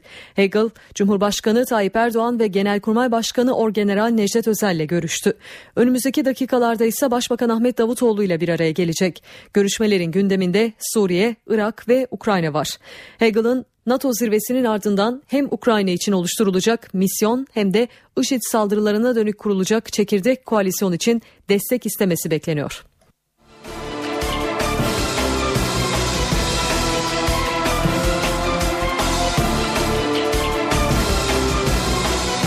Beşiktaş'ın ünlü taraftar grubu çarşı üyelerinin aralarında olduğu 35 kişi hakkında gezi olaylarında hükümeti yıkmaya teşebbüs ettikleri iddiasıyla dava açıldı. Zanlıların müebbet hapsi isteniyor. Gezi Parkı olaylarına ilişkin çarşı grubuna yönelik iddianame kabul edildi ve dava açıldı. İstanbul Cumhuriyet Savcılığı'nın hazırladığı 38 sayfalık iddianameye göre çarşı grubu silahlı örgüt ve amacı hükümeti devirmek. İddianamede çarşı grubu liderleri Cem Yakışkan ve Numan Bülent Ergeç'in de aralarında bulunduğu 35 sanığın çarşı grubu kitlesini örgütlediği ileri sürülüyor. Sanıkların asıl amacının ağaçların kesilmesini engellemek değil, hükümeti yıkmak olduğu öne sürülüyor. Delil olaraksa sosyal medyadaki yazışmalar ve bazı telefon görüşmeleri gösteriliyor. İddianamede Arap Baharı'na da atıf var. Yabancı gazetecilerin gösterileri görüntülemesi sağlanarak Arap Baharı imajı oluşturulmaya çalışıldığı ve bu yolla hükümetin devrilmesinin planlandığı iddia ediliyor. 35 kişi için darbeye teşebbüs ve silahlı örgüt kurmak suçundan müebbet hapis isteniyor. İddianamede örgütün yapısı, silahlarının neler olduğuna ilişkinse bir bilgi yer almıyor. Umuda yolculuk hayalleri gerçekleşmedi. İzmir'de son 3 günde yapılan operasyonlarda Yunan adalarına geçmek isteyen 385 kaçak kurtarıldı. Vatan bota tutundular. Denizin ortasında kurtarılmayı beklediler. Kaçaklar Yunan adalarına gitmek için Ege kıyılarında denize açıldı. Hava fırtınalıydı. Su alan şişme bot İzmir açıklarında batmaya başladı. Kaçaklar bir anda denizin ortasında kaldı. Can yeleklerini giyenler batan botun yanında beklemeye başladı. Yardım eli sahil güvenlik ekiplerinden geldi. Öncelik çocuk ve kadınlara tanındı. Ekipler 5-7 Eylül arasında Ege Denizi'nde 11 ayrı operasyon yaptı. Tam 385 kaçak kurtarıldı. Operasyonlarda bir insan kaçakçısı da gözaltına alındı. Geçen yıl Ege Denizi'nden 7 bine yakın kaçak kurtarıldı. Bu yılsa kurtarılan kaçakların sayısı 8 bini aştı. Rize'de bir kişi defini aramak için Kültür ve Turizm Müdürlüğü'nden izin talep etti. Müdürlük bu talebe olumlu yanıt verince 65 yaşındaki Orhan eski çırak iş makinesiyle şehrin merkezini kazdırdı. Ancak kepçe olmadık bir yere darbe indirince kazıya şimdilik ara verildi. Defini aramak için izin aldı. Şehrin merkezini iş makinesiyle kazdırdı. Kanalizasyon borusu patlayınca kazıya ara verildi. Söylentilere göre buraya altın arayışı var ama. Hazine arayışı var. Hazine arayışı. Ne, ne kadarı doğru onu bilmiyoruz. 65 yaşındaki Orhan Eski Çırak defini aramak için Rize Kültür ve Turizm Müdürlüğü'ne başvurdu. İzin çıkınca şehrin İşlek Caddesi trafiğe kapatıldı.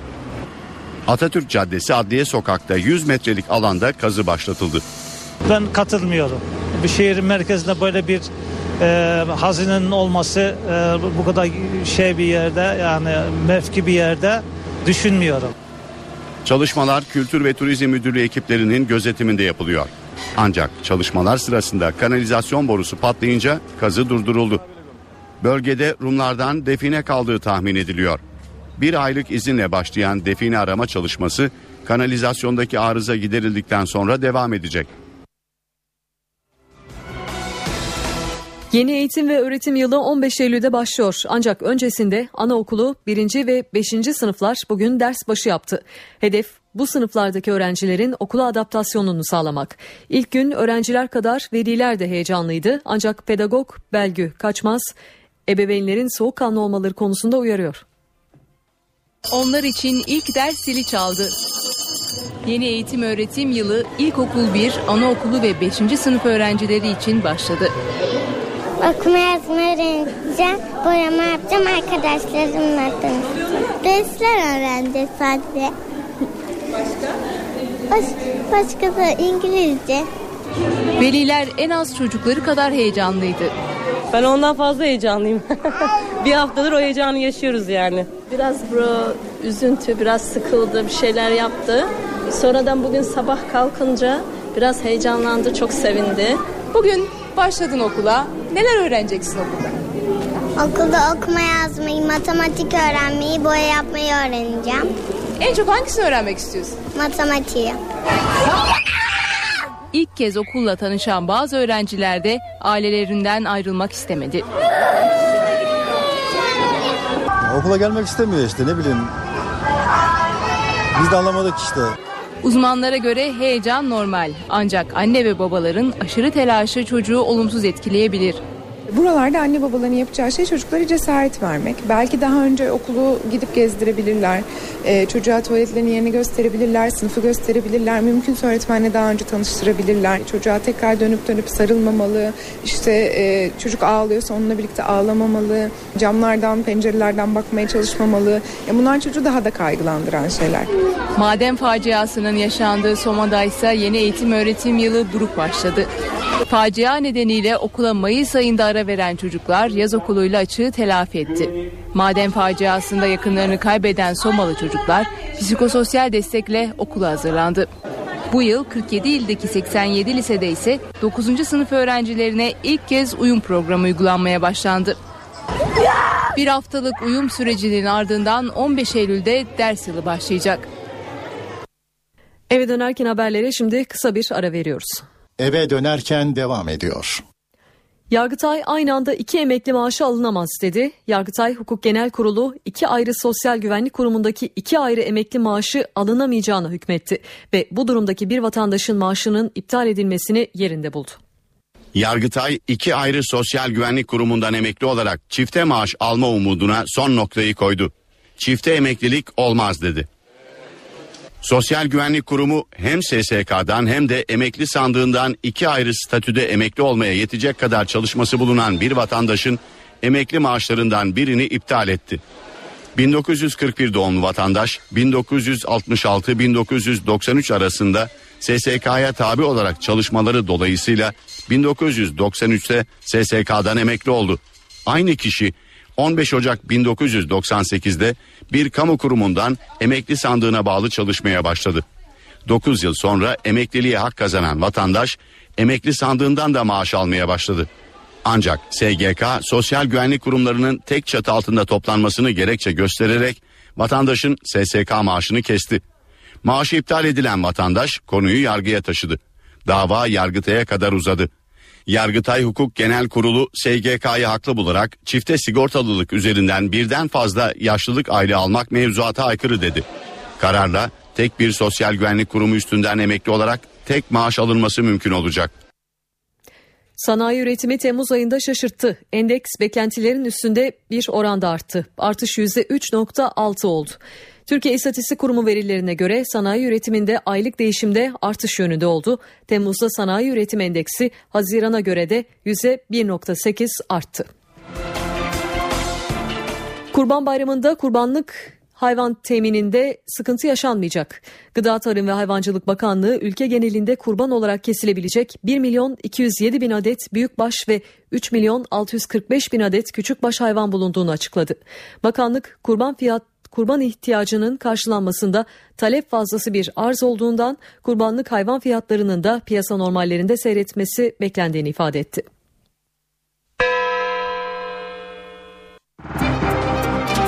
Para ve sermaye piyasalarındaki işlemlere bakalım. Borsa İstanbul günü 82.200 puandan tamamladı. Serbest piyasada dolar 2 lira 16 kuruş, euro 2.80'den işlem gördü. Kapalı çarşıda ise Cumhuriyet altını 593, çeyrek altın 143 liradan satıldı. Birleşik Krallığı oluşturan dört ülkeden biri olan İskoçya'da halk 10 gün sonra bağımsızlık referandumu için sandık başına gidecek. Anketlerde bağımsızlığa evet diyenler ilk kez öne geçti. İngiltere hükümeti panikte. Birleşik Krallık'ta ayrılık rüzgarı esiyor. Bağımsızlık referandumuna 10 gün kala İskoçya'da ayrılıkçılar öne geçti. Son ankete göre bağımsızlığa evet diyenlerin oranı %51. Anketin sonucu sandığa yansırsa bu İngiltere ve İskoçya arasındaki 308 yıllık birlikteliğin sona ereceği anlamına geliyor. Londra'ya panik havası hakim. İskoçya'nın bağımsız olması durumunda İngiltere Başbakanı David Cameron'ın koltuğunun tehlikeye gireceği dile getiriliyor. Cameron, Birleşik Krallığı bir arada tutmak için harekete geçti. Londra hükümeti İskoçları ikna etmek için daha fazla siyasi ve mali özellik teklif etmeye hazırlanıyor. Buckingham Sarayı'nda da endişe var. İngiliz basını referandum konusunda kamuoyuna tarafsız görünen Kraliçe 2. Elizabeth'in son anket sonucu karşısında dehşete düştüğünü belirtiyor. Zira İskoçya'nın bağımsızlığı kraliçenin buradaki rolü konusundaki tartışmaları da beraberinde getirecek. Kraliçe 2. Elizabeth'in İskoçya'nın son kraliçesi olmak istemiyorum dediği öne sürülüyor. Birleşik Krallığa bağlı İskoçya'da bağımsızlık oylaması 18 Eylül'de yapılacak. İngiltere tahtının ikinci sıradaki varisi Prens William ve eşi Kate'in ikinci çocuklarını bekledikleri açıklandı.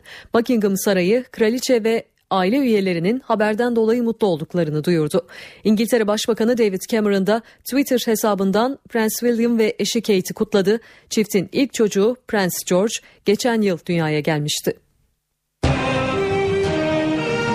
NTV Radyo Şimdi yurt geneli için yarınki hava tahminlerini alacağız. NTV Meteoroloji Editörü Gökhan Abur'u dinliyoruz. İyi akşamlar. Yağış ve sert rüzgarlar batı ve iç kesimlerde sıcaklıkları azaltarak ortalama değerlere indirdi. Sıcaklıklar yarından itibaren Karadeniz'de 3-4 derece azalacak. Yarın Trakya ve Kuzey Ege'de yağış beklemiyoruz. Yağışlar Barbar'ın doğusu Karadeniz'in tamamı, Akdeniz ve İç Anadolu'da yer yer kuvvetli olmak üzere devam edecek. Çarşamba günü Marmara ve Batı Karadeniz'de yağış etkisini giderek kaybederken Akdeniz, İç Anadolu ve Doğu Karadeniz'de aralıklarla etkili olacak. Güney Ege, İç Anadolu, Batı Akdeniz ve Karadeniz'deki yağışların Perşembe gününde aralıklarla devam etmesini bekliyoruz. İstanbul'da yarın hava kapalı. Sıcaklık 25 derece. Çarşambadan itibaren havanın açmasını bekliyoruz. Ankara'da yarın sağanak yağmur var. Sıcaklık 25 dereceye inecek. İzmir'de yarın hava parçalı bulutlu. Rüzgar hafif. Sıcaklık ise 28 derece olacak. Hepinize iyi akşamlar diliyorum. Hoşçakalın. Saat başına kadar ara veriyoruz. Eve dönerken devam ediyor. Yeniden merhaba. Saat 19 eve dönerken haberlerde günün öne çıkan başlıklarını aktaralım. İstanbul Mecidiyeköy'deki asansör faciasının araştırılması için Başbakanlık Teftiş Kurulu görevlendirildi. Bakanlar Kurulu toplantısı sonrası konuşan Başbakan Yardımcısı Bülent Arınç, hükümetin iş güvenliği eylem planı hazırlayacağını da söyledi. Olay sonrası başlatılan soruşturma genişliyor. Bugün iki kişi gözaltına alındı. Savcılık başka aranan şüphelilerin de olduğunu duyurdu. Facianın yaşandığı şantiyede çalışmalar süresiz durduruldu. Başbakan Ahmet Davutoğlu'nun Amerikan Savunma Bakanı Chuck Hagel'la yaptığı görüşmeye ilişkin Başbakanlıktan açıklama geldi. Yazılı açıklamada bölgesel gelişmeler masaya yatırıldı.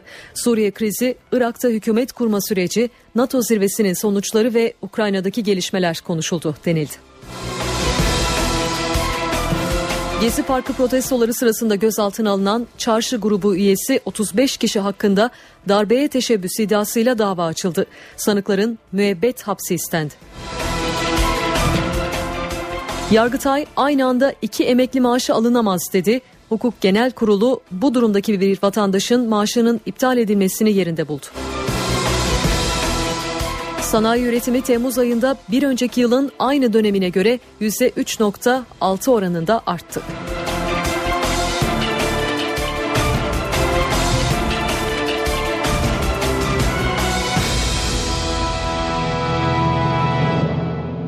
An itibariyle İstanbul trafiğindeki son durumu aktaralım. Boğaziçi Köprüsü'nden Avrupa'dan Anadolu istikametine yoğunluk Hürriyet Tepesi Mecidiyeköy Zincirlikuyu Köprü girişi ve sonrasında Altunizade boyunca devam ediyor. Aksi istikamette de Acıbadem Köprüsü Altunizade arası oldukça yoğun. Köprüden sonra trafik rahatlıyor. Fatih Sultan Mehmet Köprüsü'nde Avrupa'dan Anadolu yönüne Tem Aslantepe'den başlıyor trafik yoğunluğu. Seyrantepe, Maslak Kavşağı ve Fatih Sultan Mehmet Köprüsü gişeler boyunca devam ediyor. Devamında Kavacık'tan Ümraniye kavşağına kadar seyir yavaş.